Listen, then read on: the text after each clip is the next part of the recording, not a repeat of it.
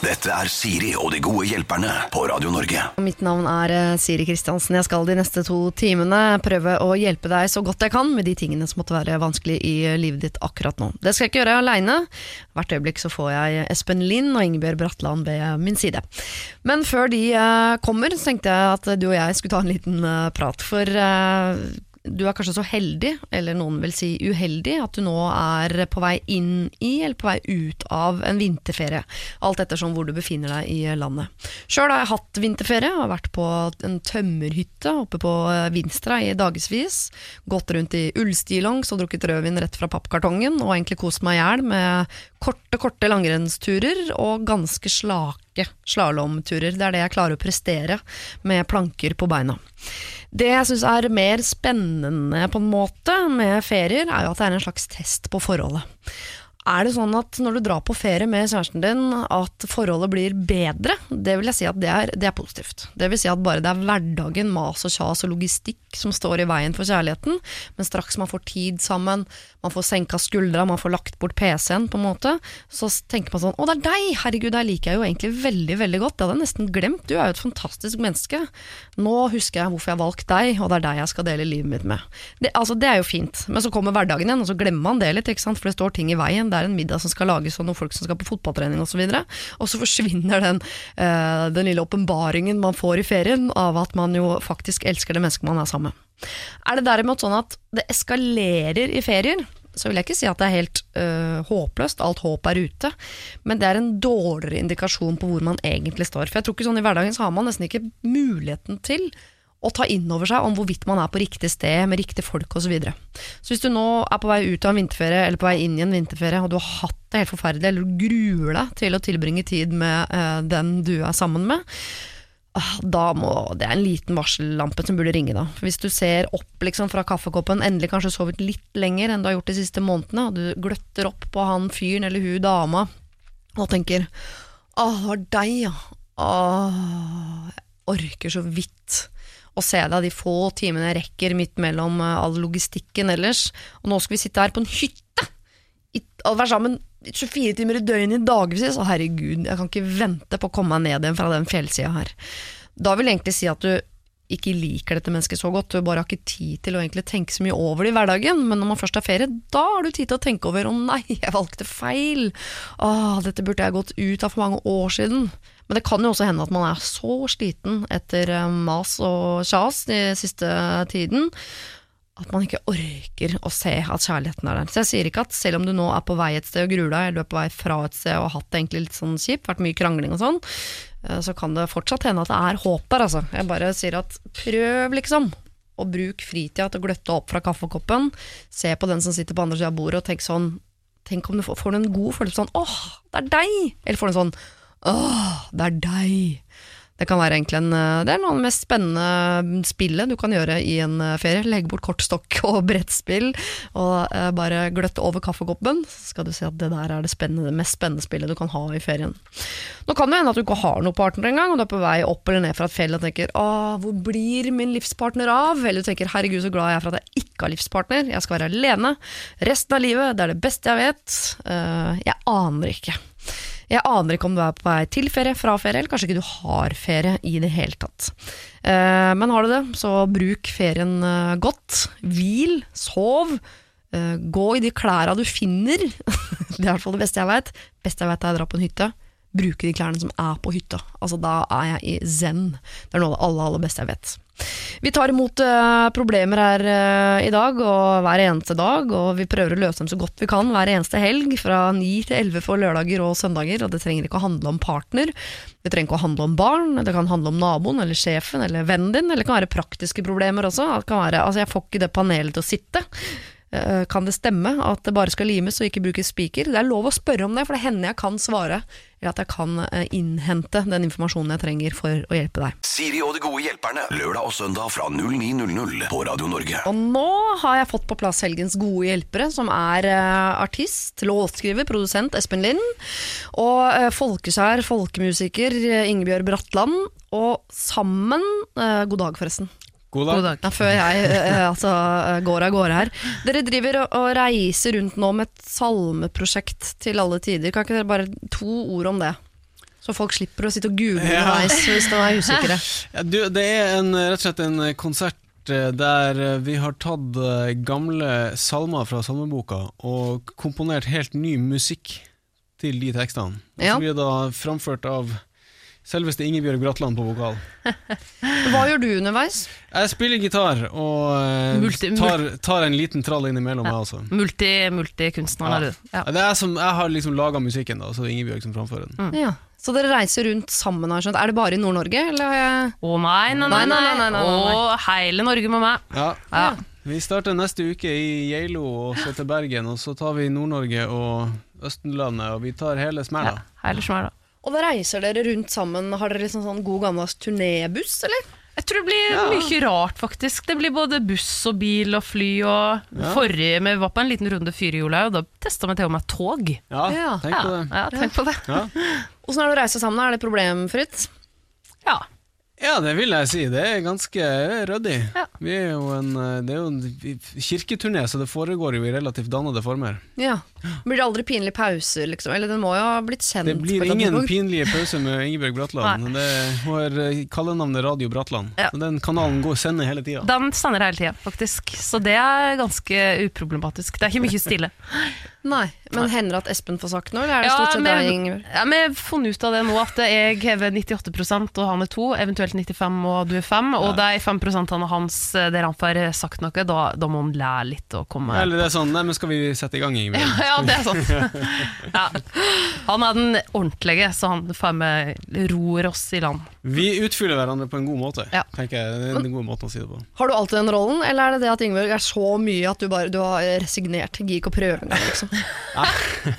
Nei, det er nok en rolle jeg ofte faller til. Jeg liker å ha Jeg liker å Jeg holder meg litt i bakgrunnen, så er jeg han som liker å ha litt sånn orden og eh, struktur på ting. Så Ja. Ingebjørg er mer ute og um, Det er litt mer kokos. Ja. Så deilig for deg å ha en som holder deg litt i Ja, øra, da. ja, det er egentlig veldig bra. Det, den, nå var vi på en, som sagt, en runde fyrhjul, og da følte jeg at da var jeg òg litt mer ordentlig. Ja, du var det? Ja. Du oppførte deg veldig Ja. bra. Men når du reiser sammen med Odd Nordstoga rundt, da, Ja. hvem er det mer kniving om oppmerksomheten da, eller? Nei, Får- får hun der også? Er Nei, 95? Nei, er, det er jo faktisk er det.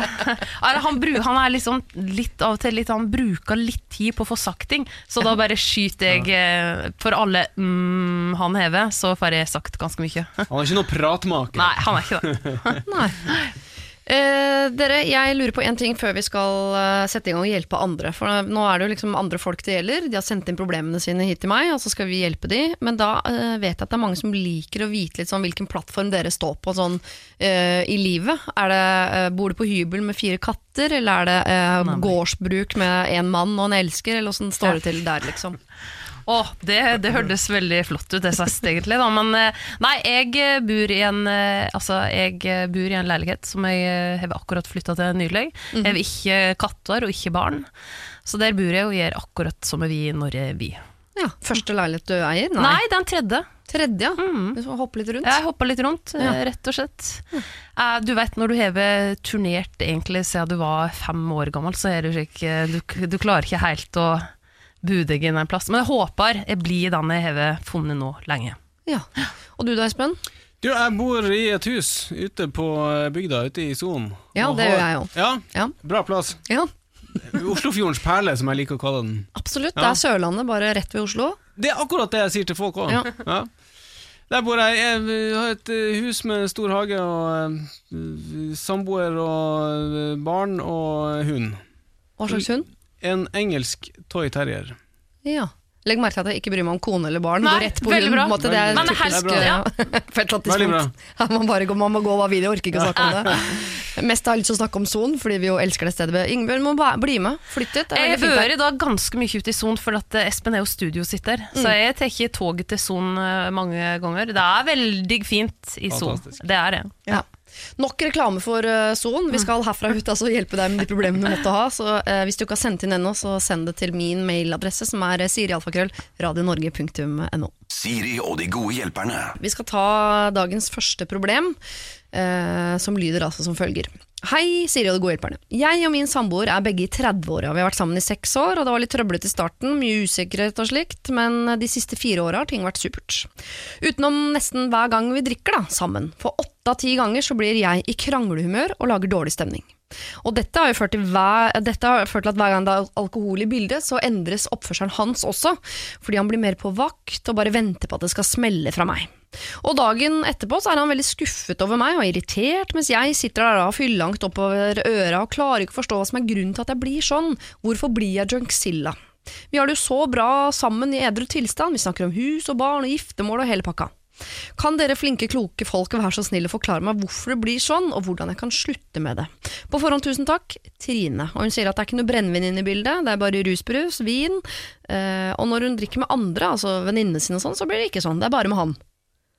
Er dette noe du kan kjenne igjen, liksom? Eh, ja.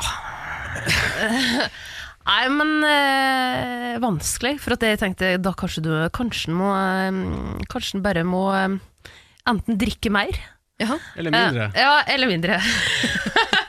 ja, men eh, Enten mer, for at da blir du kanskje mer eh, vant til, vant til det. Så kanskje du da finner ut eh, en slags måte å Et oppføre, forferdelig råd. oppføre det på i den eh, tilstanden. Mhm. Det syns jeg høres mye artigere ut enn å drikke mindre. Men skal hun øve sammen med han da, eller øve på egen hånd, sånn at hun, når hun har blitt ordentlig god på å være full, Ja. så slipper hun på en måte han ut av buret? Ja, men Hun må nok øve sammen med han. Ja. Ja. ja. Du syns det var et kjempedårlig Jeg, synes jeg stiller meg litt tvilende til uh, rådet. Det går dårlig når jeg drikker. Hva, hva bør jeg gjøre? Du bør drikke mer. Men, Jo, men det er jo det vi gjør på øvelseskjøring med bil. Altså Alt Ja. man er dårlig på, må man jo gjøre mer. Ja, Øve på.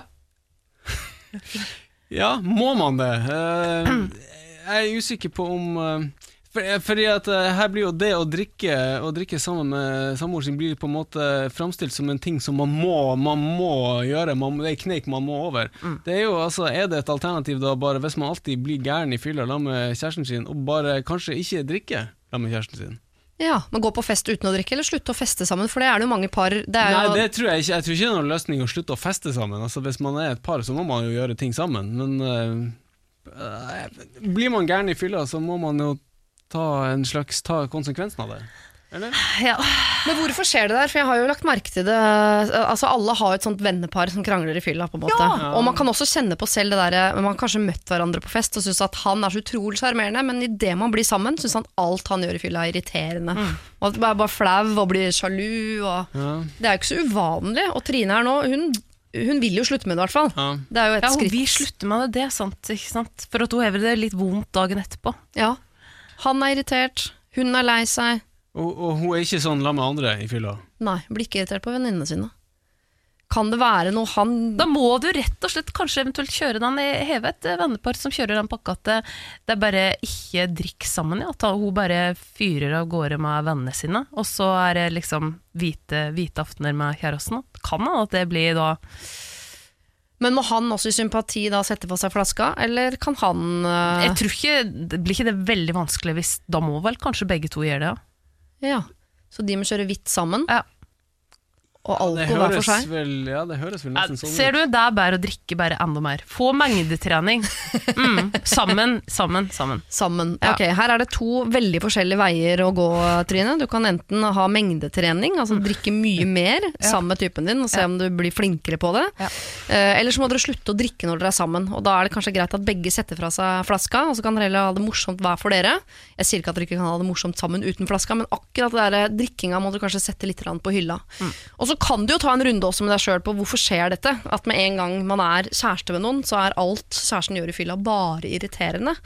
Kan det hende du skal ta en runde på det. Kanskje du er sjalu, eller er noe han gjør som gjør at du er usikker på han. Noe eller... underbevisstheten, vet du. Det er jo typisk at det bare dukker opp. Det kommer opp. fram når du ja. drikker. Ja, så kanskje det her er noe hun irriterer seg over til daglig, men, eh, men, eh, men eh, liksom hennes bevisste sin glatter over det til daglig, og så, Mm. og så bobler det opp når hun drikker. ja, kanskje må gå litt grundig inn i seg sjøl og tenke litt Om det er et eller annet som ligger der og irriterer, som bare bobler ut. en ut. stein i skoen, liksom. Ja. liksom. Ja. Kanskje det er der hun skal ha mengdetrening? Bare krangle mer med han i edru tilstand? Sånn at når de drikker, så er det Da er ferdig.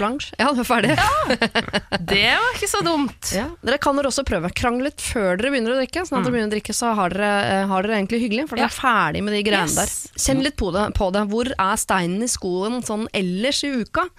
Og finner du ikke den steinen, ja, så må du kanskje la flaska stå. Siri og de gode hjelperne. Send oss en e-post på siri at radionorge.no. Nå skal vi hjelpe en som eh, kaller seg for Ane, folkens. Eh, Hun skriver Hei, jeg, Ane og bestevennen Tina har vært bestevenner helt siden første klasse på barneskolen.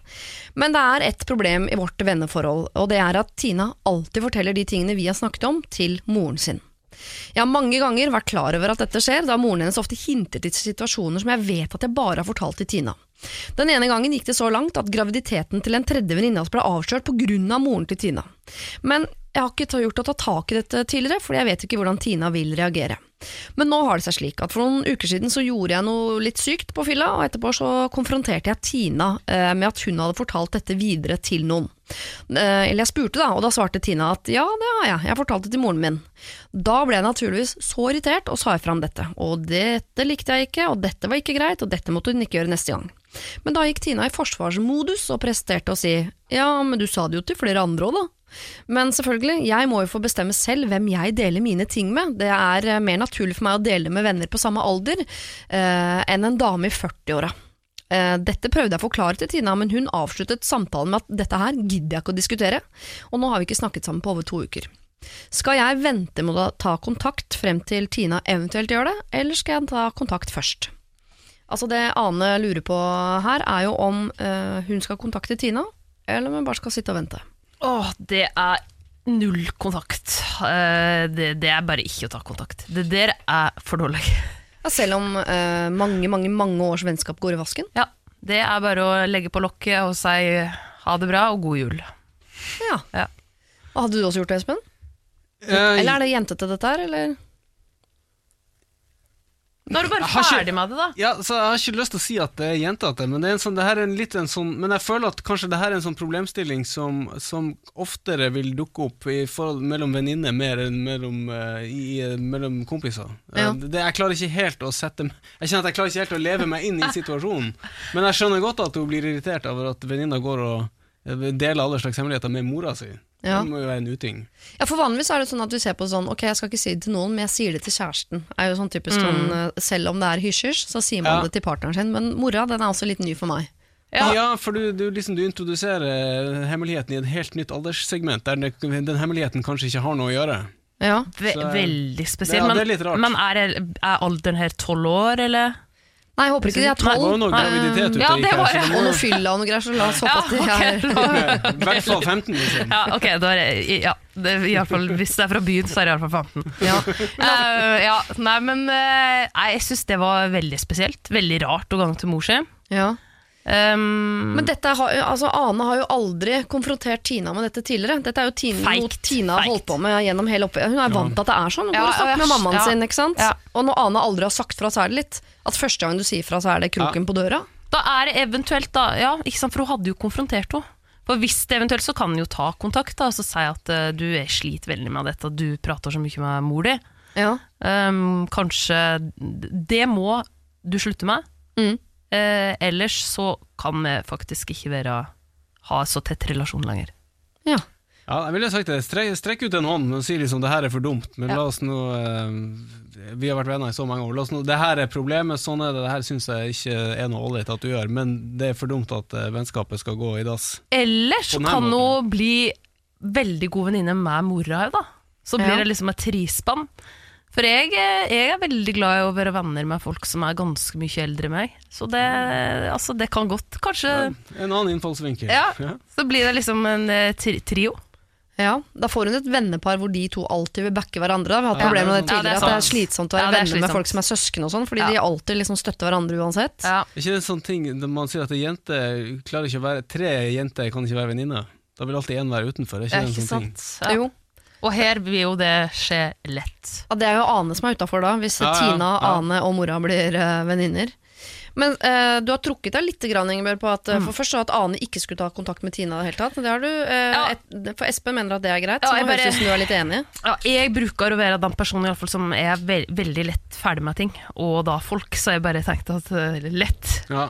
Bare bli ferdig med, så tenker jeg at eh, det er kanskje jeg som er litt eh, rar. Så kanskje siden jeg hadde liksom vært, vært bestevenninner siden første klasse. Det, det er lenge, altså.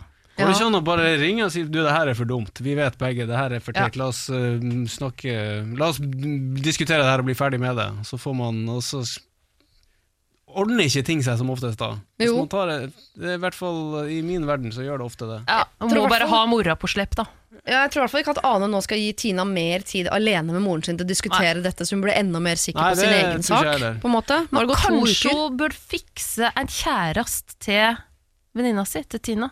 Ja. Så da liksom så hun en annen en person som hun kan liksom dele Eller hun kan alt med. forlange at hun, og Tina da skal begynne å dele hemmeligheter som mora hennes forteller til henne. Ja. Så du får en slags sånn utveksling av hemmeligheter. Da Mm. blir det på litt mer balanse i hvert fall i denne tre, treenigheten. Ja. Ja, for det er ikke noe mindre juicy eh, ting som skjer blant Helt folk i sikkert ikke. 40-åra enn folk i Nei, nei, 20-åra, nei. så det kan være mye gøy å, å grafse i der. ja, fy flate. Det mener jeg må være et slags Det må jo være, det enig. oppleves som rettferdig fra Ja. utsida, i hvert fall. Ja.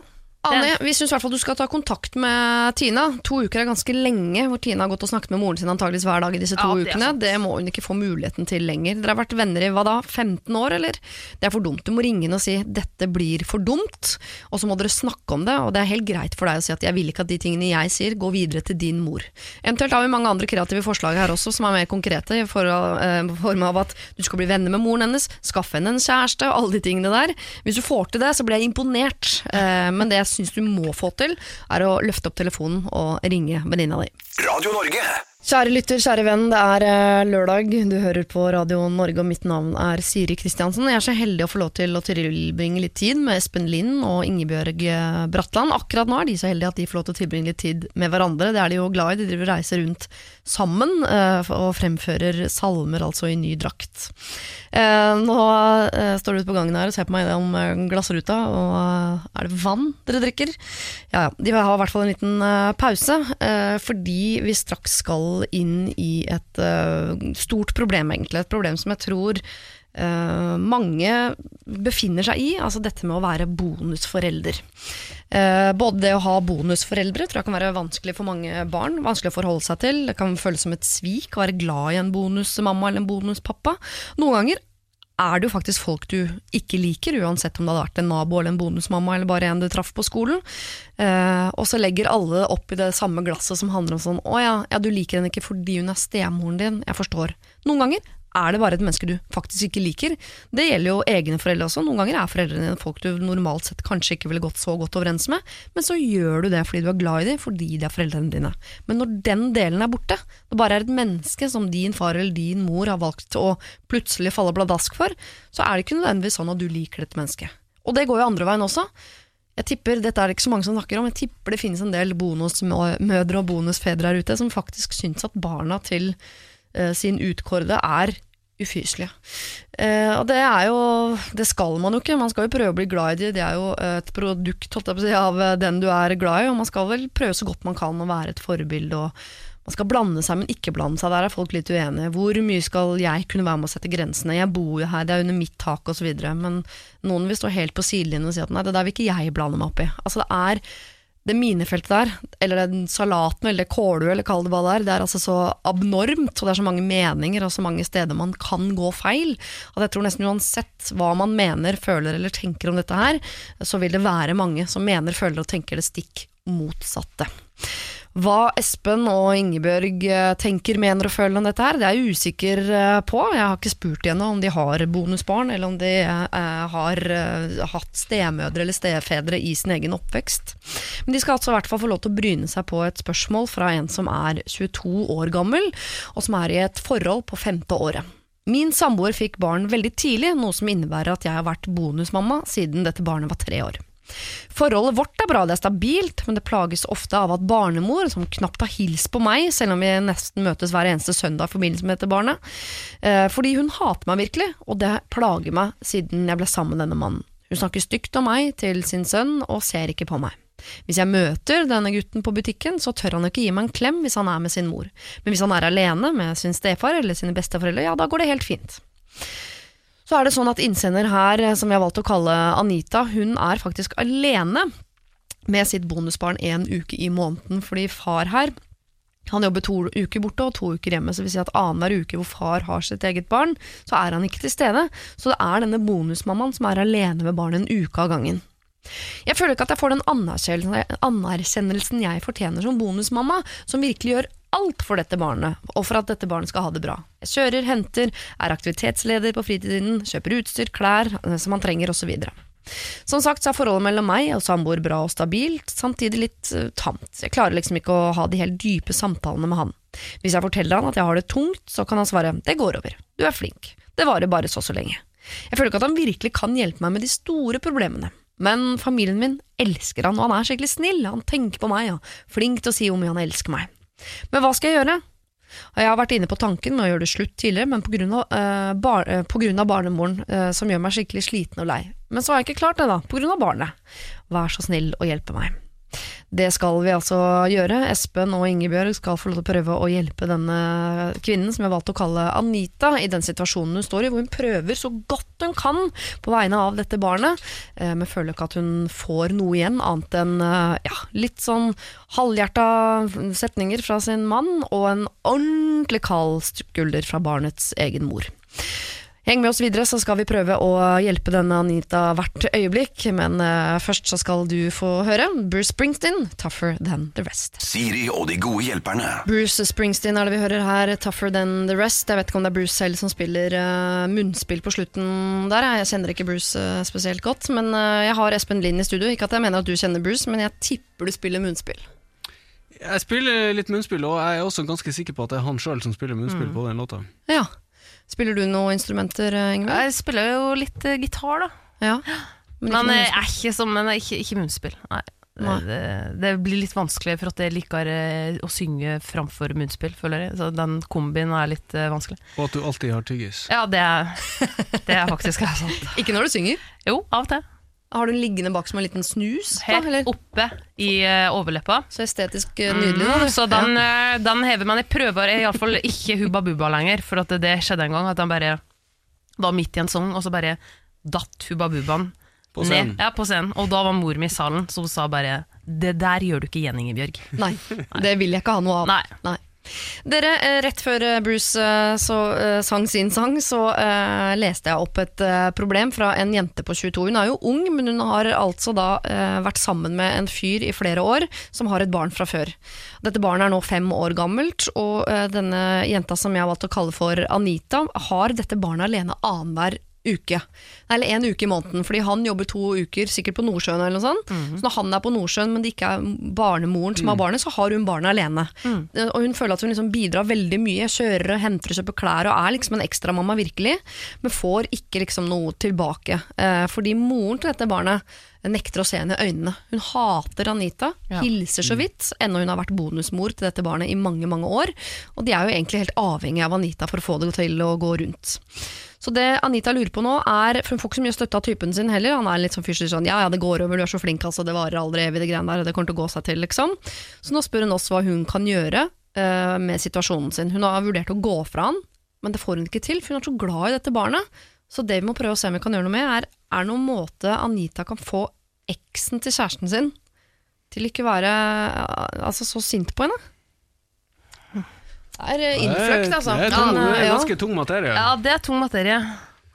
Uh, men uh, ja. Nå skulle jeg jo ønske at dere hadde stemødre og stefedre og hadde masse bonusbarn, masse erfaring på dette, men det Jeg er Men- dårlig der, ass. Men, eh, men, men vet vi nå Altså, det ligger det litt sånn implisitt at eksen til kjæresten hennes er litt sjalu på henne Anita, da. Vet vi noe om det? At det er litt sånn at det, det, det Man kan nesten Ja, litt- gå Eller Litt bitter. At Ja. hun har kanskje blitt litt bitter. at det ligger noe grums der. At det, Ja, det gjør det nok antagelig. Vi vet jo ikke hvordan det bruddet var mellom Nei, nei, de, f.eks. Men jeg Ja. tipper man liker jo aldri at sitt Nei. eget barn begynner å bli glad i noen andre. Der tipper jeg det ligger en del Ikke sant. Selv om det er jo en virkelighet som eh, altså, i Norge i 2019 veldig veldig mange familier har. Ja. Du de dealer med. Altså, jeg kommer fra en familie altså, Jeg er skilsmissebarn sjøl, og um, sånne ting er jo um, aldri artig når det skjer, men det går helt fint an å, uh, å finne ut av det. Ja. Og, og ha normale relasjoner liksom, på tvers av uh, familier. Så, men Er det noe Anita kan gjøre overfor denne ekskona? Ja, det høres ut som damene må ordne opp, Ja, liksom. det må det. Jeg tenker at det egentlig burde ta seg en liten uh, fest, på en måte. Du tyr til flaska igjen. Ja, jeg- eh, jeg vet ikke om man ser et mønster her. Men det, Nei, men, eh, men kanskje det burde egentlig kanskje bli liksom tvunget i et rom. Ja. Kanskje det ble en liten sånn eh, catfight, ikke sant? Ferdig med det. Eh, så er jeg veldig slitne, Mm. og så er jeg fra meg en flaske vin eller to. Ja. Det, og, og, eller eventuelt bare liksom at hun bare Du vet, med det, det gode, vet du, så skal du slå det onde. Så at hun Anita bare fyrer nå på med liksom kake og bakst og sender masse sånn Begynner med sånn morgenlevering, plutselig kommer det frokost på døra til den her Jeg, jeg, jeg tror sånt bare slår verre ut. Liksom. Det, da, da bare nører du opp under det hatet. Liksom, fy faen, hun er den bitchen, altså. Ja. Har hun begynt å bake òg, da? Ja, ja, ja, ja, ikke ja. sant? Blir for perfect. Ja. På et eller annet vis er de nødt til å havne i samme rom og er nødt til å på et eller annet vis begynne å snakke På en eller annen, i en eller annen setting snakke sammen. ja. Eh, om det nå er med eller uten alkohol, eller men i hvert fall Ingenting eh, kan jo bli noe bedre uten at uh, det, det må en eller annen form for uh, dialog Ja, det må til det. her. Ja. Men er den dialogen via han, eller skal Anita gå rett på Det høres ikke ut som han er noen nei, Det tror jeg må være Det tror jeg må være dem to imellom. Ja. Jeg Ja. tror dem, der, for dem må Er ikke det litt sånn, så kan de i en perfekt verden så får, har de en eller annen sånn dialog, og så kan de begynne å og så er de to litt på lag og Ja. begynner å snakke om han og ja, du, Ikke sant? ja. Få seg en felles fiende, ja. Ja. ja, Om ikke fiende, så i hvert fall at man kan liksom eh, En slags alliert. Man kan le litt av han og det han gjør. De, de må på et eller annet vis være klare å havne på samme side av uh... Og så bør jo egentlig da hun barnemora Hun Mm. bør jo egentlig være veldig glad for at uh, ungen hennes faktisk har en annen person i livet som er tydeligvis veldig sånn caring, da. Ja. Det er jo egentlig fantastisk. Ja, egentlig er det, Jeg tror at hun, eh, Anita må få henne til å se det. Men jeg tror ikke man skal liksom trykke det i trynet på folk. Nei, sånn, nei. eh, Se, jeg har bakt kaker. Du vet Ja, at jeg er en ressurs for barnet ditt. Han ja, elsker ja, meg. Tenker sånn, ja, å herregud, ta det bort. Ja. Eh, men at hun gjør seg mindre liksom, uh, skummel eller Ja. mindre sånn truende ved å Ja. bare vise seg som et vanlig menneske. Sånn, Hei, kan Ja. vi ta en kopp kaffe? Eller vise seg uperfekt, Ja. liksom. Jeg tror det er det beste Hvis du har en eller annen måte Anita, til å få, uh, få til at dere to havner i samme rom, og får det ikke til å skje tilfeldig, så tror jeg du bare må ta det initiativet. Du og denne dama må havne i samme rom. Dropp han, altså Ikke tenk på typen din, han, han skal få være ute på sjøen aleine. Yes. Dere to må snakke sammen. Dere to må på en måte bli venner, om det er over en felles fiende, eller om det er over bakst, det vet ikke jeg. Eller over flaska, da, som Ja. Ingebjørg foretrekker, stort sett. Yes, har jeg lært meg nå. Uh, men det tror jeg er løsningen her, altså, Anita. Du må ta kontakt på en eller annen måte, og eh, komme i dialog med denne kvinnen på. Siri og de gode hjelperne. Send oss en e-post på siri at radionorge.no. Vi skal til et problem som jeg tipper at dere kanskje, om ikke har vært borte Jo, jeg tipper dere har vært borti det. Bare hør på dette her. Vi er to venninner i 30-åra som skal på konsert om noen uker med en artist vi elsker. Vi har sett han flere ganger før og drar alltid på konsert sammen når han er på våre trakter, altså på Vestlandet. Denne gangen, som vi gleder oss da ekstra til, skal vi få lov til å treffe han etter konserten. Vi er invitert backstage etter konserten, og det er en lang historie, skal ikke begi meg ut på den. Eh, og det er ikke han som har invitert oss personlig, men apparatet rundt. Vi vet at han sikkert er sliten etter en konsert, og sånn, så vi skal prøve ikke plage han, men vi må jo stille han noen spørsmål, liksom. Men hva sier man? Hva spør man om? Og dette er det da Sissel og Marianne som spør om. Og det, jeg tipper dere har møtt noen fans opp igjennom, sånn backstage, som, Ja. som ikke vil være veldig sånn fans, men så har dere sikkert møtt de som later som de ikke er fans i det hele tatt, så blir det gærent, og Hvordan skal man oppføre seg bak der, liksom? Hva er det verste, hva er det beste? Åh, Altså, ja, egentlig begge ytterpunktene er jo, det er jo ganske kleint. Er dem som skal eh, poengtere at de ikke er fans. Og Ja. liksom Ja, ja, ordentlig går inn for det, for det er veldig gjennomsiktig. Ja. Uh, og så er det jo, kan det jo bli Hvis folk eh, Noen folk I sånne her situasjoner er det jo ofte av og til litt alkohol inne i bildet også. Mm. Og det, av og til så folk kanskje mister litt sine sånn sosiale sperrer og sånt. Og, og, ja, der ville jeg faktisk utrolig nok sagt kork litt igjen. Ja, kork litt. Ja, Ja. Ja. ja. faktisk. Så det ikke kommer sånn woo bak der. Ellers så vil jeg jo si et tips hvis du skal, hvis du skulle hilse på denne artisten, da, må jo være å gjøre det short and sweet. Liksom, eh, det er ingen artister eller kjendiser som blir sur hvis du liksom bare sier Du, jeg vil bare si takk for en flott konsert, jeg har alltid likt uh, musikken din, det var hyggelig å få hilse på deg. Boom! Ja. Og så trekker du ja, For hvis du blir stående da, da ber du på en måte om en follow-up, og da kan det fort bli litt sånn ubehagelig stillhet. Vil, det, det, der, det jeg beskrev nå, mener jeg er den perfekte måten å eh, å- å- å liksom hilse på noen og gi dem en slags sånn acknowledgement om at jeg er fan av deg. Mm. Det er ingen som ikke liker det. Men tror du ikke Sissel og Marianne de vil gjerne ha liksom, Ja, det er litt lyst De har lyst til å stille ett spørsmål, et eller annet som de vet om han som ikke vet hva han svarte. Det vet Ja, jeg, liksom. Jeg har ikke ja. lest meg til det. Jeg traff han, han sa Ja. det. Ja. Jeg må iallfall uh, være veldig eh, rolig og eh, oppføre seg eh, veldig naturlig. Det er Ja. en fordel. Slik at ikke du, den artisten, får sånn vondt av de to jentene som kommer bak og er litt sånn på tuppa. Ja. sånn prøve spill, Mm. casual. Casual, men Ja. ikke sånn casual at sånn 'Å, er det deg?' Nei, ikke, ikke det. Eller, Ikke eller det. litt sånn 'hva gjør du', da? Ja, ja. Nei, jeg er musiker. Og så er det vel noen også som har en tendens til å, å I hvert fall vet jeg hvis jeg blir nervøs, så kan jeg begynne å snakke om meg selv. Det er vel den artisten antakeligvis ikke så interessert i hva Sissel og Marianne driver med sånn Ja, ikke ta med en demo, kanskje, da. På, eh, for å, eller bare liksom eh, spille av egne Men det som jo altså det som kan Hvis du gjerne vil dele et eller annet med Hvis de vil dele et eller annet med han eh, artisten her, da, så sant, har du en, en personlig et, en forhold til ei av låtene som betyr noe ekstra sterkt for deg, fordi at du hørte på den i en tung periode, eller du spilte den i begravelsen til faren din da han gikk bort, eller noe sånt. Hvis du klarer liksom å formidle det på 10-15-20 sekunder, Ja, kort, sant. short and sweet, så er jo det Da får du på en måte delt et eller annet med Og da kan han du som ingen andre kan dele med. Og da kan du spørre, liksom, hvis du ikke veit helt bakgrunnen til den låten, så kan du jo spørre litt rundt låten. da Ja. Liksom Åssen den ble skrevet eller oppsto, eller hva han tenkte. Ja, for Hvis du allerede da liksom har fått fram at ja, denne låta har, den har betydd noe for Ja. deg, da har du på en måte Det liker jo artister Ja. å høre. da kan Ja. du kanskje få noe litt sånn som ikke alle veit. Men så, da må du gå etter Ja. det. Da må du må gå. gi Med mindre det kommer oppfølgingsspørsmål. Ja, Da er- kommer det et oppfølgingsspørsmål, og du føler at det er genuint, at det ikke bare er et resultat av overdreven høflighet, så Ja. da er det klart, da, du, da er det jo inne i en samtale, og da er det noe annet. Ja. Jeg syns det høres ut som de er på sporet, for de sier sånn 'han er sikkert sliten' og så. Ja, det, er, måte- det Ja, ja, virker ganske Ja, det er hever liksom litt skjønt. Da må tenke gjennom det, Ja. det er bra. Ja, og da syns jeg det høres ut som det, eh, det man ønsker er at jeg skal være ganske ydmyke, men eh, selvfølgelig sier vi litt konserten og hvis de har et eller annet ekstra, men som er litt sånn faglig, syns jeg jeg hører at et eller annet som handler om musikken, som ikke er sånn som Nei, handler om nei. eh, damer, eller altså, Nei, nei. at det er noe sånn annet sladderaktig. Ja. Så bare uh, korke en flaska lite grann. Ja, faktisk. Eh, short and sweet. Ja. Hvis du har en eller annen personlig erfaring til eh, noe som handler om hans fag, så kan dere si det. Mm. Men maks var det 40 sekunder, var det det du ga dem? Det mener jeg er en slags sånn gyllen, ikke noe mer enn det. Per stykk, eller det må ha Sissel 20 og Marianne 20? De to, Der vil, ja, der vil jeg si at hvis, hvis de går bort til han samtidig, så da, da teller det for én. Ja. Ja, så Marianne, ikke ta uh, Sissels 20, Nei. eller motsatt. Her må dere legge en felles plan. Ja. Her må det øves.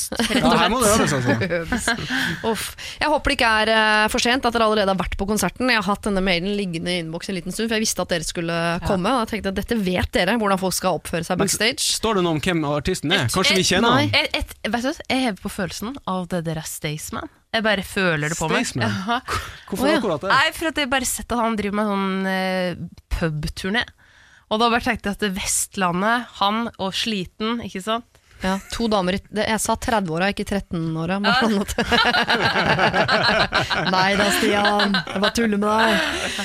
Nei, vet, Jeg vet ikke hvem det er, men Sissel Marianne, hvis ikke det er for seint, så håper jeg dere nå hørte at dere har ca. 40 sekunder på dere på å være hyggelige og litt profesjonelle og korke en flaske lite grann, så får dere heller slippe det løs i etterkant. Siri og de gode hjelperne. Radio Norge.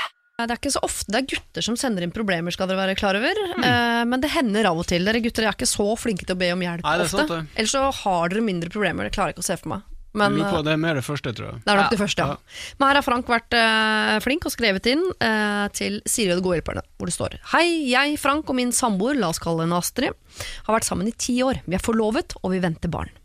Problemet er bare at i disse ti årene så har vi hatt to pauser. I den første pausen, som varte i en uke, dro Astrid på hotellhelg med en tidligere eks og postet bilder av dem på sosiale medier. Eh, dette har vi kommet over, vi er ferdig med det. I pause nummer to, som varte i noen måneder, hadde Astrid et sidesprang med en nær venn av meg. Jeg konfronterte vennen min og Astrid med saken da jeg ante ugler i mosen. De lovet at dette ikke stemte, og sa de bare var gode venner, og at vennen min var i et forhold med en annen. Jeg slo meg til ro med det og dro hjem til eh, vennen min for så å finne Astrid i sengen sammen med han. Vi fant på et eller annet vis tilbake til hverandre, og dette er flere år siden nå, men jeg klarer ikke å gå en hel måned uten at det kommer opp i tankene mine, og jeg støtter borti denne gamle vennen min fra tid til annen. Eh, Vi har for så vidt ikke snakket sammen siden jeg fant de sammen i senga. Hva syns dere jeg skal gjøre med dette? Hilsen Frank. Altså, han har sagt at han er ferdig med det, han sier at han går videre, men han innrømmer jo også samtidig at han har jo ikke det. Nei. Det dukker opp, kommer seg ikke av flekken. Og nå venta de barn, var det sånn det var? Ja, De gifte seg unger og sånn, så det er dem. oi, oi, Han må bare, hvordan får han lagt lokk på den derre Hvis ikke så hadde- dere anbefalt Ja, ja. å gå fra hverandre, liksom? Eller? Ja, det Hvis, hvis han ikke kommer uh, videre ja, Hvis det ligger og stanger baki Ja, der. Men uh... Kanskje han må gjøre Kanskje han må kjøre samme pakka? Altså bare ta en liten sånn hevn. Hevn? Feie over en god venninne av Ja. henne? Ja. Mm. La, la oss kalle det plan B. ja, Det er mange som velger den løsningen, men det er veldig sjelden det blir noe bedre av det. Vi kaller det plan B. Hva er da plan A? Nei, altså, det der, den der er kinkig. Men du sa at han hadde møtt han her eh, kompisen, da. Ja, de som- møtes av og til. Men han har aldri konfrontert han med det i ettertid. Så, så men da, da, det, tyd, det er jo, da er det jo en eller annen sånn verkebyll som ligger der, alle vet, men, det, men uh, man har liksom aldri snakka ut om det. Det, det føles eh, fra utsida som eh, Det vil være nærliggende å si at man kommer, man kommer aldri noe videre inntil man bare har på en måte stukket hull på den, og bare så, Man er nødt til å bare snakke seg gjennom det, og så får han Frank si til han kompisen akkurat hva han mener, og skjelle han ut. og man, Ja. man måtte få, få feie v- v- Rydde i skapet, på en måte. Få lufta det ut. Og så, når det er borte hvis, hvis da alt er avklart, og alt da er avklart mellom han og hun, Astrid, som han da sier, da burde man jo klare å gå videre. Hvis Ja. man ikke klarer det da Ja, da, Invitere fienden til bords, rett og slett. Da- Da blir det litt grann vondere en kort men- periode, og så blir det bedre på andre sida, kanskje. Eller bare ta alle sakene sine og flytte langt vekk. Ja, det var jo det Ja. med barn, da, litt Ja, sånn, det som var var det. litt sånn kinkig. Jo, men Foreløpig er det barnet veldig mobilt, for det ligger inni, Ja, sant, så inni det- magen, så det blir med. Det er bare Men å flytte. Ja, ja, ja, eh, Skepti Plan C. Ja. Jo, men det jeg tenker er, hvis de flytter, da, som jeg tror det er ganske mange som også velger noe Ja. sånt, flytte bort fra problemet. Mm. Jeg, jeg har ikke tenkt på det sjøl, men kanskje at det heller kan være fint å gå i, i samtale med denne fyren, for Mm. grunnen til at du ikke klarer å legge det bort, er jo at det er masse spørsmål der. ja. Og spørsmål er jo like mobile som ufødte barn, de Ja. blir med overalt, de. Ja, Blir som en sånn det det. spøkelse du tar med deg, liksom. Det. Altså, kanskje man bare ja, kanskje nye kompiser. Ja, eller så må han bli venn med den gamle Ja. vennen sin igjen. Ja. Fordi det er da du har glemt Han har jo ikke eh, kommet seg videre nå, han har bare ikke tatt tak i det. Ja, Man må liksom på et eller annet vis klare å ufarliggjøre den situasjonen og det som skjedde. Og gjør, det er sikkert nå en sånn stor, Ja. svart, mørk ting i, i hodet til han Frank. Og må, på et eller annet vis så må han eh, litt sånn uf, ufarliggjøre det. Og Ja.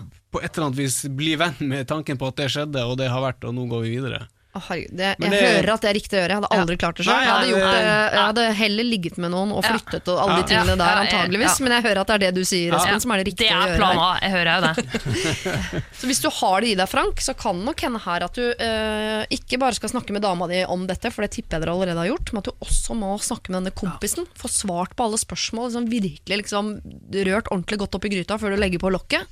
Det høres forferdelig ut. Og så tror jeg også at noe av det kan forsvinne idet man får barn. Ikke at jeg anbefaler barn som løsningen på utroskap og, og fortid og sånn, men det er noe med at jeg, bare, jeg er sånn fortidssjalu sjøl. Jeg liker ikke at mannen min har hatt eh, folk før meg han har vært glad i og sånn. Tenker sånn, å ja, glad i meg, ja vel, det har du sagt til andre, tror jeg ikke noe på. Men idet vi fikk barn, tenkte jeg sånn, ha-ha, jeg fikk noe ikke dere fikk. Jeg vant, jeg er bedre enn dere. Så det kan hende at Frank kommer seg lettere videre nå og får barn. Tenker sånn, det, blei, det er oss, ja. Dette Kanskje. fikk ikke kompisen min til. Ikke sant? Det er veldig sant. Ja. Men ta den praten først, da. På en Ja, måte. mm. Før du begynner å ligge og flytte Ja, og alle de andre ja. greiene. Som du inviterer kompisen din til bords, og ta en ordentlig prat med han. Siri og de gode hjelperne. Jeg har laget et eh, dilemma til dere, som ikke finnes i virkeligheten. Men det dere må ta stilling til altså, før vi begynner å hjelpe ekte mennesker med ekte problemer, er enten så forsvinner utlandet, eller så forsvinner Norge. Og da mener jeg både som konsertarena, som eh, feriemål og i det hele tatt. Så det får aldri mer være hjemme, eller aldri mer i utlandet. Ja. Hva velger man da? Jeg Den er enkel for min del. Da velger jeg vekk utlandet. Ja. Jeg er så glad i det landet her. Altså, jeg har vært så mye rundt på turné her i så utrolig mange både byer og veldig grisgrendte strøk, og det er, det er veldig flott eh, land. For jeg kan Ja. jo bevege meg både helt nord og helt sør, ikke sant? Ja, hele landet er ditt Ja, lerret. det, det kan eh, du, du kan få så mangt ut av det landet her at eh, ja. Hva er det største offeret for deg der? Er det musikalsk eller sånn feriemessig? Synes, er, eh, jeg er jo veldig Jeg synger på veldig hardcore dialekt, så det er Ja. veldig lite utlandet for min del. Ja. Men det er jo veldig kjekt å reise på ferie. Det er Ja. det. Men eh, da måtte det ryke, da. Da ryker ferielandet utlandet. Ja, Ja. Da ryker landet Syden, rett og slett. Og det, er- det er greit, det. Det er greit, du Ja. blir hjemme. Ja. Åssen er det med deg, Espen? Du har jo kanskje litt mer sånn Ja, jeg har jo ehm, Ja, det er jo et dilemma. Jeg har jo mye av eh, virket mitt har jo vært i utlandet opp gjennom årene, og har jo ehm, Du kan sende mail til utlandet, altså. Jeg kan sende mail til utlandet. Ja, og eh, lydfiler. Ok, ok. I så fall, da eh, Egentlig så tror jeg også for meg valget er enkelt. Jeg velger, velger å ha Norge, altså. Ja. Hadde valgt eh, det Jeg er veldig glad i utlandet, å bo i utlandet og reise og alt sånt, men eh, jeg, jeg har jo alltid en veldig sånn følelse av å, En sånn glede av å komme hjem, og en sånn helt sånn tydelig tilhørighet til Norge. Ja. Så jeg kunne ikke å, å flytte til utlandet og aldri få komme tilbake til Norge hadde ikke vært noe alternativ for meg. Nei. I så fall hvor? Til utlandet? Ja. Ja, det til eh, franske rivieraen høres ganske bra ut. Kunne bodd der og blitt sånn gammel norsk eh, sånn pensjonist med linbukse og et lite glass portvin til Det hadde kledd deg. Ja, det hadde. Det høres ut som min plan for fremtiden, faktisk. At jeg tar Italia Ja. med linbukse og portvin og importert twist. Det. Ja, ja. Importert twist. Jeg skal ha en sånn 18 år gammel italiensk gutt som kommer på hvit Vespa i sånn strikkeagenser opp med twist en gang i måneden. Å, fy flate. Ja. Du da, hvis du måtte Du kan velge ett land der ute. Et land Da, ok, eh, var liksom sånn eh, Sverige, liksom. Nei, nei, nei, er det sant? Nei, da, eh, nei, men jeg er jo veldig veldig glad i, i Frankrike, og så er jeg Ja. ganske glad i London.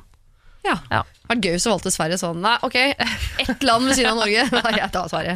Da blir det rett i, da blir det over Svinesundbrua. jeg må til Svinesund innimellom, det må jeg få til. Oi, oi. Espen og Ingebjørg, herfra og fram til klokken 11 så dreier det seg om eh, ekte mennesker der ute med ekte problemer, som dere skal få lov til å kaste dere over. Men eh, før vi gjør det, så skal vi innom Simon and Garfunkel. Dette er eh, Mrs. Robinson. Radio Norge. Enorme porsjoner kjærlighetssorg til denne Don't Speak-låta No Doubt, må jeg innrømme. Kanskje ikke har hatt, men har observert venninnegjengen som har sittet altså, omtrent sendt hverandre stafettpinnen på grining over diverse gutter mens jeg har sunget med på denne No Doubt-låta. Så jeg klarer ikke å høre den uten å tenke på andres kjærlighetssorg. Eh, Vi skal til noe nå som ikke dreier seg om kjærlighetssorg, egentlig. Det er mer her nå en eh, jente som heter Anna, som føler at hun Eller hun har, jeg, jeg kan bare si det, hun har blitt svindlet. Hun for noen eh, måneder eh, Nei, for en måned siden så ville hun veldig gjerne på eh, Unge Ferrari-konsert. Hadde ikke billetter, la ut på Facebook at hun ønsket å kjøpe billetter, og det var en mann som sa sånn Ja, jeg har to billetter, kan du vippse kompisen min 700 kroner, for jeg har ikke vips, og så videre. Allerede der ville jeg begynt å lukte, lukte lunta. Eh, og så skulle han sende billettene, og så sier han nei, jeg har ikke billettene nå, jeg har de på jobben, så du får få de av meg på mandag. Og så kommer mandagen, og fikk det ikke helt til, og det var mye fram og tilbake for å få disse billettene. Og til slutt så sier da denne mannen at vet du hva, jeg har ikke de billettene allikevel, men det er ikke et problem, du skal få tilbake pengene. Disse pengene har fortsatt ikke kommet, men hver gang hun ringer og sier fra, og sånn, så har han nye unnskyldninger for hvorfor han ikke eh, foreløpig har ført over de 700 kronene. Men han skal gjøre det, altså han lover, han lover, han lover. Han lover. Eh, Men det er stadig nye unnskyldninger, og jeg er ikke en spesielt konfliktsky person, skriver hun, så om et par dagers mellomrom så sender jeg en melding og maser. Flere ganger. Eh, han svarer hver gang jeg maser på han, og han eh, sier at hva, har du ikke fått de? Og dobbeltsjekker kontonummer og i det hele tatt. Jeg vet at 700 kroner ikke er så ekstremt mye penger, men som 19-åring med stramt budsjett, så er det ganske sure penger å miste. Så hva gjør jeg nå? Skal jeg fortsette å mase over Messenger? Skal jeg bare la det gå? Jeg kjenner jo ikke fyren, så jeg kan jo egentlig ikke gjøre noe. Eh, men eh, hun vet altså at han bor på andre siden. Eh, Han er en småbarnsfar. Eh, Jeg betalte han ved å vippse kompisen, så hun kan jo kreve penger tilbake fra kompisen. Han svarer alltid på meldinger, og hun har bilde av passet hans. Dere kan kalle meg for Anna, jeg håper på noen gode råd. Hilsen en gnien student som helst ikke vil miste 700 kroner. Hva er neste steg for Anna her, med den informasjonen vi har? Ja, for ikke sant, Det enkleste er jo bare å si ok, du dreit skikkelig på draget, for det var eh, ganske idiotisk eh, gjort, så den må du bare ta på egen kappe og, og eh, ja. Dyr lærdom, liksom. Da gjør du ikke det en gang til. Men jeg ser den, drit i det da, hvis hun skal prøve å få tilbake de 700 kronene da. Ja. Ja, men for Det høres ut som hun vet hvor han, hva han heter, eller hun har nummeret hans. Og, Ja. vet hvor hun bor. ja, men er det, Bruke den. Det må da finnes en eller annen sånn lokal MC-klubb som kan inndrive det her, og så Mm. tar de halvparten av summen. ikke sant? ja. Han skylder meg 700 kroner. Hvis dere drar bort til han og bare henter dem, så får dere beholde 350. Det tar dem ti minutter. Ja. Innom på vei til MC-jobben, liksom. ja, ute på, på ride-out eller Ja, talent, og så bare dra innom. Hvis det, og hvis det da st står liksom et par uh, sånne kraftige karer med helskjegg og, og, og MC-vest og bare ber om å få de 700 kronene, så kommer de til å dukke opp ganske fort. Ja, det er jeg helt enig i. Det kommer kjapt, det da. Så kommer det til å koste henne sikkert halvparten, Ja. men uh, da får hun 350 kroner, og han og hun har liksom får tilfredsstillelsen av å vite at han kisen fikk seg en støkk. Og ofte vet du, så er de så greie, de der gutta i sånne MC-klubber. Det er egentlig utrolig søte og snille og greie, så det kan godt hende at jeg bare syns så synd på den 19-årige jenta at eh, hun får hele summen. Ja. Eller så kan hun jo Jeg tror jeg ville vært villig også til å gi de alle 700, Fordi da, jeg sånn, da har jeg lært en Ja. Ja, lekse. Ja, Jeg har tatt tapt 700 Ja. og så har han lært en lekse. At du tuller ikke med 19 år gamle jenter Nei. fra Østlandet. Da får du en MC-klubb på døra. Ja. Ja. Dette er jo ikke lovlig, men jeg er frista til å bli med på det greiene der. Men det er lovlig å. Det er jo bare besøk, Sving innom, på en måte. Ja. Det er jo en gråsone, men altså, det er teknisk sett uh, altså, Så lenge alle er enige om at han skylder henne penger, så er det jo ikke ulovlig å be om å få de pengene tilbake. Det er jo ingen som, som skal komme med noen sånne helt konkrete trusler om uh, Om hva som skjer videre. og sånn. Legemsbeskadigelse i det hele tatt snakker vi jo ikke om. Men Nei. bare en slags Selvfølgelig, det ligger jo et eller annet i lufta. Ja. Jeg har vært oppe i en lignende situasjon en gang hvor jeg gjorde nettopp det. Jeg, fikk en, eh, jeg ringte og sa fra. da Jeg Ja. har kontakta en gjeng fra Maridalen som kommer til å komme hjem til deg i morgen og hente de pengene. Uh, men så angra jeg sånn etterpå, så ringte jeg faren hans og sa sønnen din skylder meg penger, og så fikk jeg penger av han istedenfor. Oh. Ja, det er ikke sikkert det er så å ringe, uh, Hvis hun har navnet, ringe faren hans og si sånn sønnen Ja. din jeg skylder meg penger, han har lurt meg. Eller hvis han fyren her var småbarnsfar, har han en samboer eller kone eller noen som uh, kanskje ikke vet hva han holder på med? Nei, ringe en Unnskyld, mannen din har svindla meg, en 19 år gammel student, for 700 kroner. ja. Kan du leve med det? ja, det er ikke så dumt. Her høres det i hvert fall ut som Spiller Anna vi litt- mener Spiller på litt god gammel skam, rett og slett. ja. Her må du Sunt. pålegge denne mannen litt uh, skam, om det er via kona hans eller via en MC-klubb. Der står du litt fritt til å velge selv, men her mener vi at det må, uh, altså det her må det noe ytre press til fra andre mennesker som er rundt denne fyren. Om du får igjen pengene er ikke vi så opptatt av, her syns vi egentlig du fortjener å, å lære en liten lekse, men det syns vi han også gjør. Så hvis vi kan kjøre en kombo på det, at han blir redd og du blir klokere, ja, så syns jeg vi er i mål. Siri og de gode hjelperne. Send oss en e-post på siri at radionorge.no. Eh, vi skal nå til eh, et problem fra en eh, jente som kaller seg for Else, som skriver. Jeg har nylig fylt rundt tall, jeg orket ikke feire. Jeg har i løpet av de siste ett og et halvt året gradvis distansert meg fra venner og familie, eh, da jeg føler at ingen bryr seg om at jeg er sliten eller trenger hjelp med barnepass, eller, og det ingen som spør hvordan jeg har det. Jeg har alltid vært den som ringer rundt, arrangerer sosiale ting osv. Nå har jeg mista lysten å treffe venner. Jeg. Er det sånn at eh, når man blir eldre, så er en vennskap mindre viktig? At man bare blir litt lei, eller er det jeg som har forandra meg og bør skjerpe meg? Begynne å fortsette å pleie vennskap osv.? Jeg har ofte følt eh, meg skuffet over at folk er så opptatt av seg og sitt, selvskryt på sosiale medier og vil bare opp og fram. Eh, og det kommer få forslag om besøk eller om å finne på noe, og nå er jeg litt ferdig, altså. Jeg har skjønt at det er noen som lurer litt på hva det er som skjer med meg, da enkelte har prøvd å ta kontakt og foreslå, siste, foreslå noe den siste tiden. Men jeg orker ikke engang å forklare, jeg. Jeg har eh, sluttet å føle noe for vennene mine, eh, og jeg lurer på, går vennskap i faser, eller skal jeg bare fade ut og la det gå sin gang? En siste ting. Jeg er ikke aktiv på sosiale medier selv, for jeg syns det er så utrolig fake, og jeg orker ikke å, å like å holde på med selvskryt og sånn. Jeg har aldri vært aktiv på Facebook eller lignende. Men jeg har sett at mye av kontakten og oppdateringene dem imellom skjer der. Kan det være en av årsakene til at kanskje folk føler at jeg er litt fjern, og at ikke de får innsyn i mitt liv? Jeg skjønner ikke kodene lenger, kan dere hjelpe meg å forstå, eller? Hva bør jeg forandre for å bevare vennskap, eller skal jeg bare satse på nye vennskap? Det er ikke så lett når man er midtveis i livet og ikke bor hjemme på bygda si. Hilsen Else.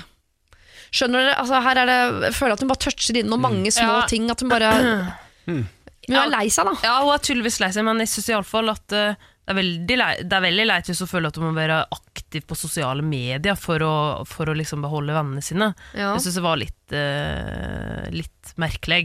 Det, det tror jeg iallfall ikke er en kode hun egentlig burde liksom Du tror ikke det er der liksom Det, det er ikke grunnen til at hun føler seg utafor? Nei. Men hun, men hun virka Kanskje hun må liksom ta noen uh, grep. Ta noe eh, Ta litt sånn uh, Hun må skjerpe seg litt. Kanskje bare bruke litt ja, tid og krefter på det vannet hvis hun har lyst til å beholde deg. Og det var- virka som hun var litt usikker på, egentlig. Hun sier at hun ikke føler så mye for vennene lenger. At det har blitt mindre viktig. Men det høres mest ut som det er en sånn et resultat av skuffelse. Sånn, jeg er ikke viktig for dere, så nå er ikke dere viktig for meg. Tja.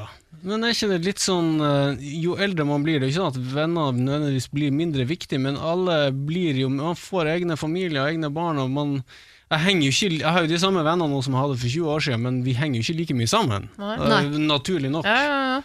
Og så kanskje så sitter, Hvis hun da ikke er på sosiale medier, så er det jo Jeg er jo heller ikke noen racer på, eh, på, på den slags, men jeg har inntrykk av at mange, mange og sånne vennegjenger og sånt som kommuniserer, at mye av kommunikasjonen foregår på sånn Facebook og sånt. på Ja. og at Hvis du da først er utafor der, og du har en litt sånn tilbøyelighet til å føle deg litt utafor, og at alle har en sånn hemmelig klubb som du ikke er med i Så det faktum at du da ikke er på sosiale medier, noe sånt, det kan være med på å bare nøre opp under det.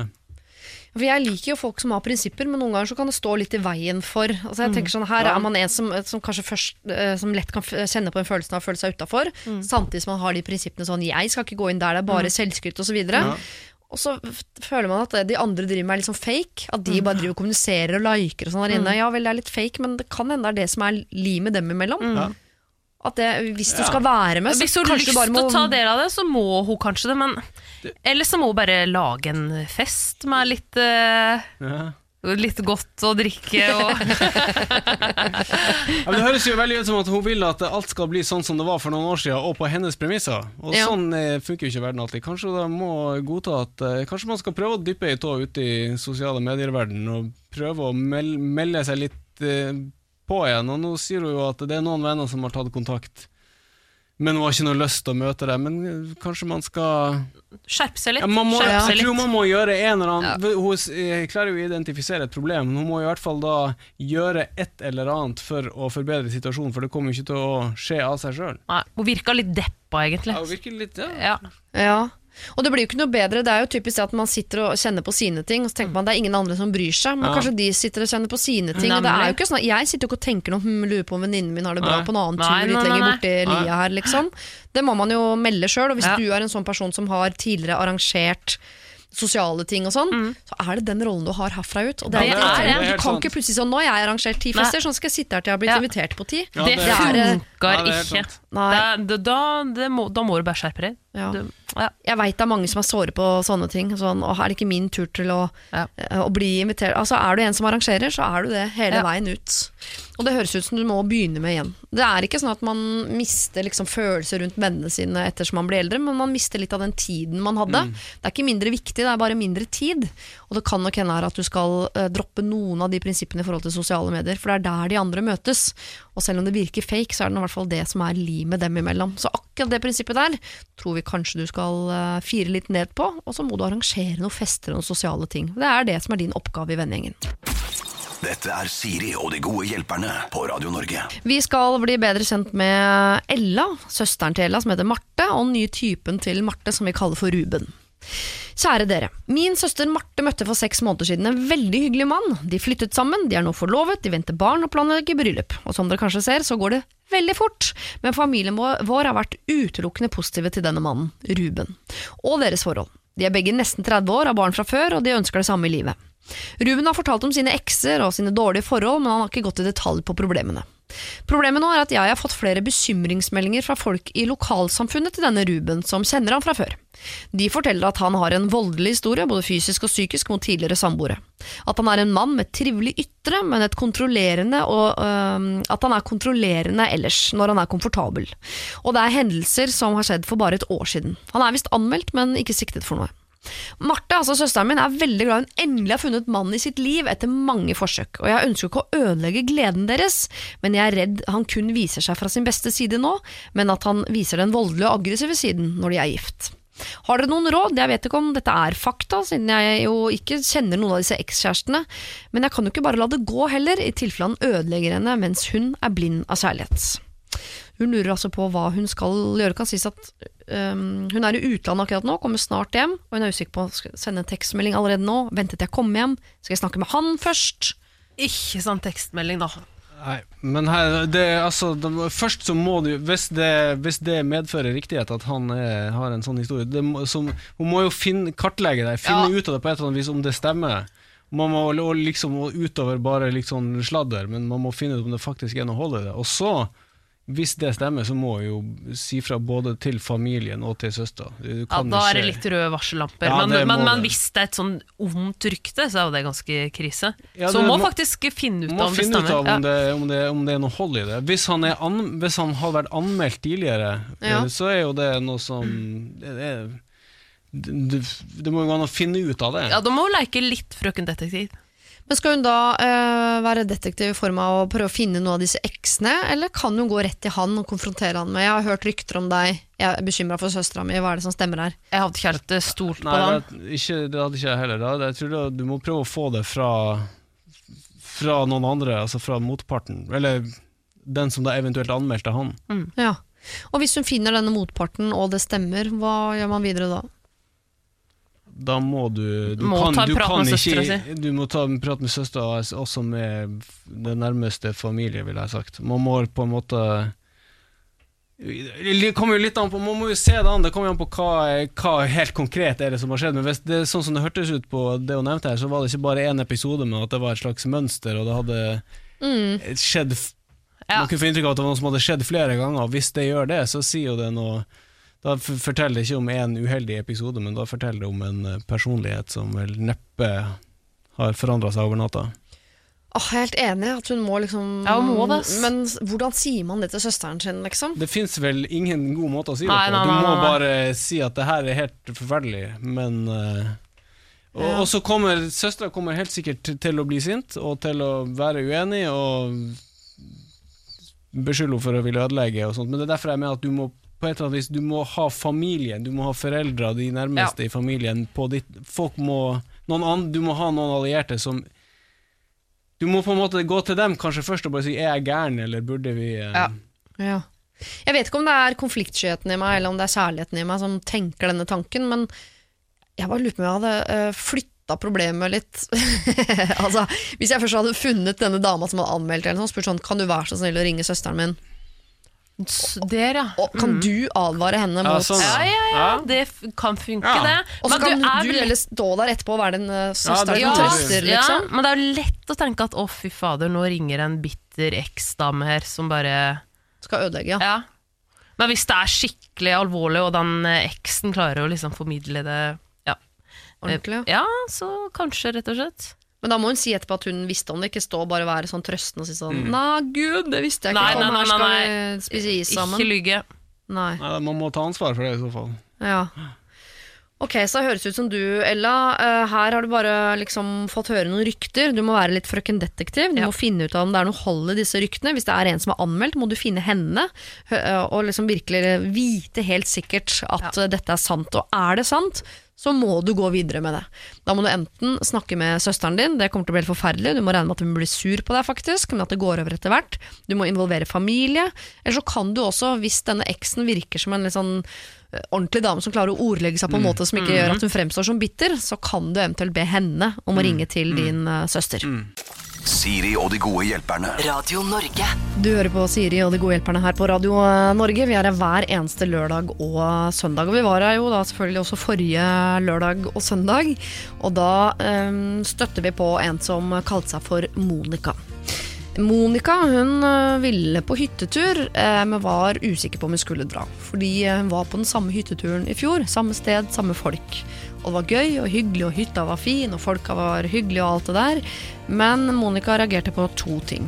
Eh, Det var et av disse menneskene som var med, som tok ekstremt mye oppmerksomhet. Og Monica mener at man bør være like flink til å gi plass som man er til å ta plass. Nå er det jo dessverre sånn at de fleste som tar mye plass, de eh, klarer altså ikke å eh, se at det er andre som har lyst på plass, eller de klarer ikke å fatte, tror jeg. At ikke de, når man vil ha plass, at man ikke bare tar den. Fordi det er så naturlig for de som tar plass, å ta plass. At man klarer ikke å ta inn over seg at ikke det er like naturlig for andre. Eh, det var en av tingene hun var usikker på eh, om hun orket å tilbringe en helg til sammen med, men så var det en ting til.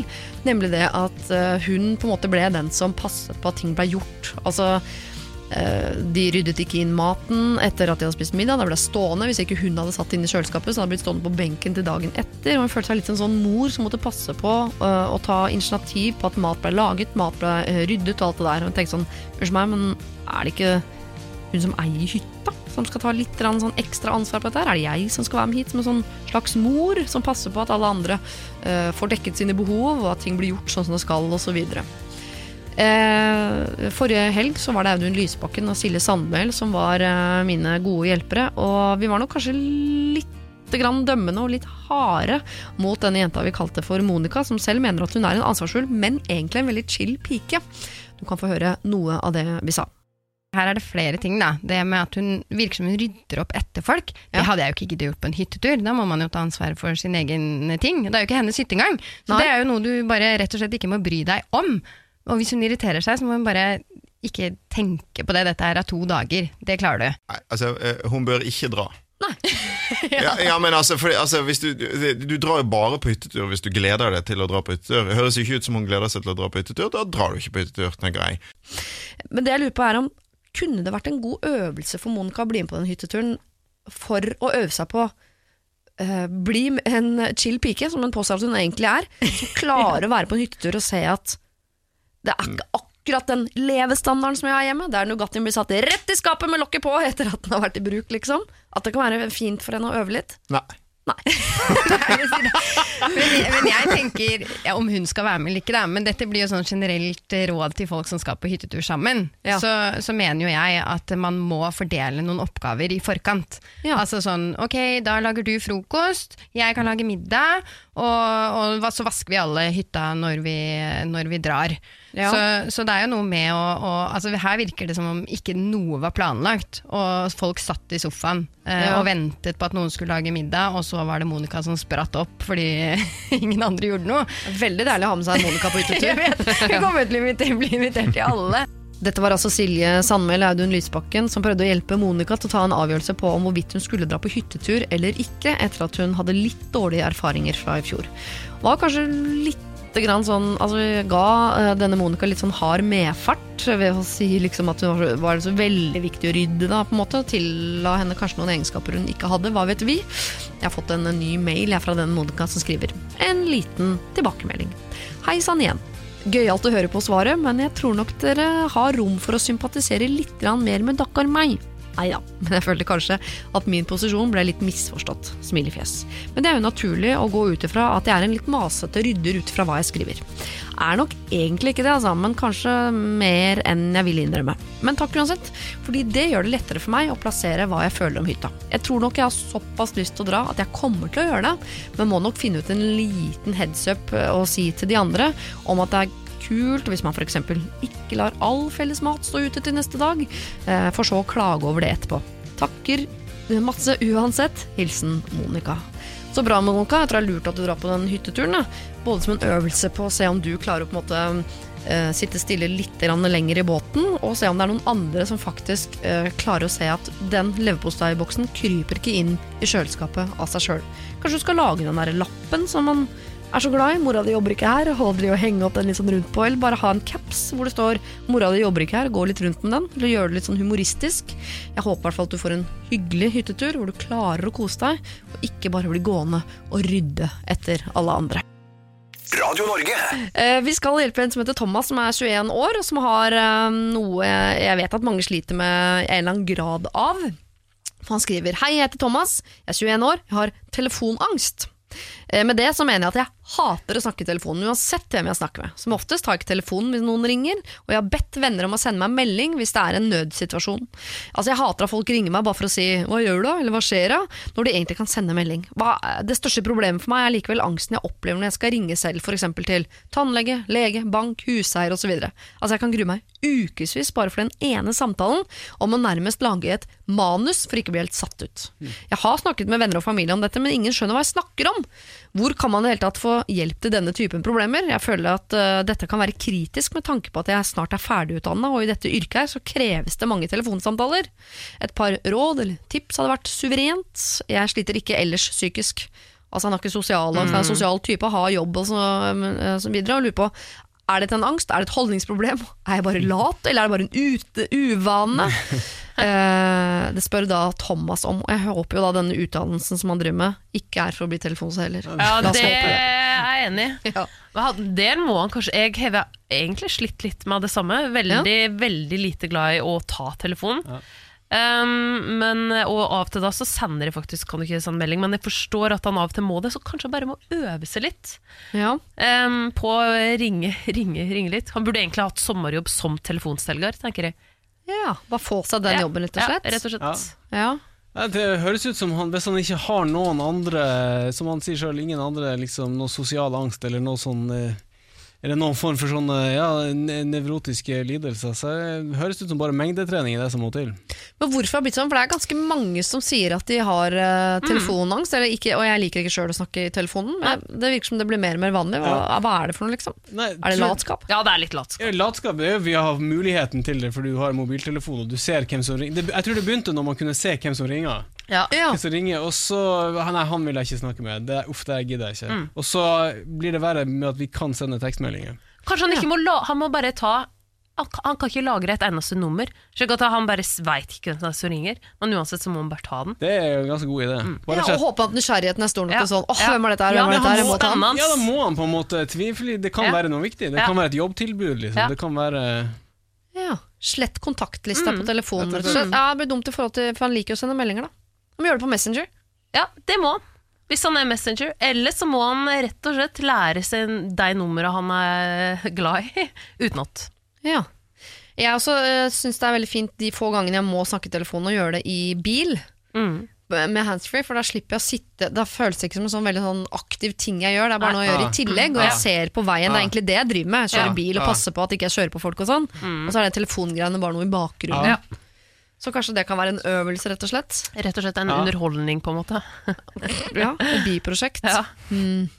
Vi, eh, du spør om det er latskap, og det er det vel flere her som mener at det er nok eh, en form for latskap. Ja. ja det er mer, nærmere latskap enn angst. Det tar utgangspunkt i latskap, i hvert fall. Ja.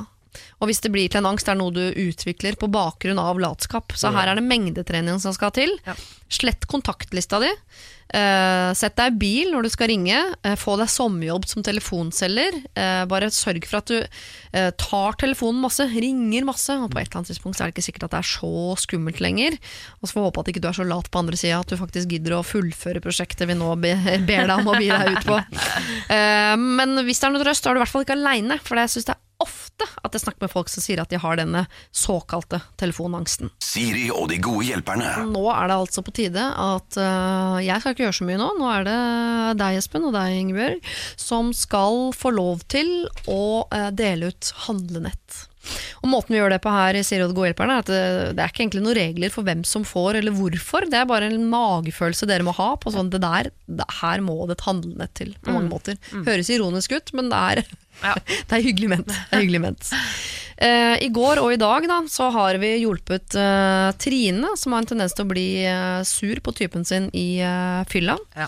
Og da har vi bedt henne enten drikke mer eller mindre. Mm. Vi har prøvd å hjelpe Ane, som er venninne med Tina. De har ikke snakket med hverandre på to uker, fordi Ane er så lei av at Tina forteller absolutt alt hun sier til moren sin, sånn at moren vet alt om Ane. Anita er bonusmor for et lite barn der eh, moren til dette barnet eh, ikke engang vil se Anita i øynene. Og vi har anbefalt at det er akkurat det de må. De må møtes, bli venner. Eh, og så har vi Sissel og Marianne som skal treffe sin favorittartist og lurer på hvordan man oppfører seg backstage. Der hadde vi jo litt erfaringer på at det er 40 sekunder som er maksgrensa. Vær hyggelig. Ikke still for mange spørsmål og fortell for mye om deg selv. Eh, Frank skal gifte seg med Astrid. De har vært sammen i ti år. De skal ha barn, men Astrid har ligget med vennen til Frank, og det klarer ikke Frank å glemme. Her har vi også bedt, i likhet med eh, I likhet med hvem var det da? Anita, som måtte sette seg ned og snakke med moren til barnet. Så må Frank sette seg ned og snakke med kompisen Yes. sin som har ligget med dama. Det er mange vanskelige kafébesøk framover. Ja. Oi, oi, oi. Jeg er glad jeg ikke driver en eh, kafé akkurat nå.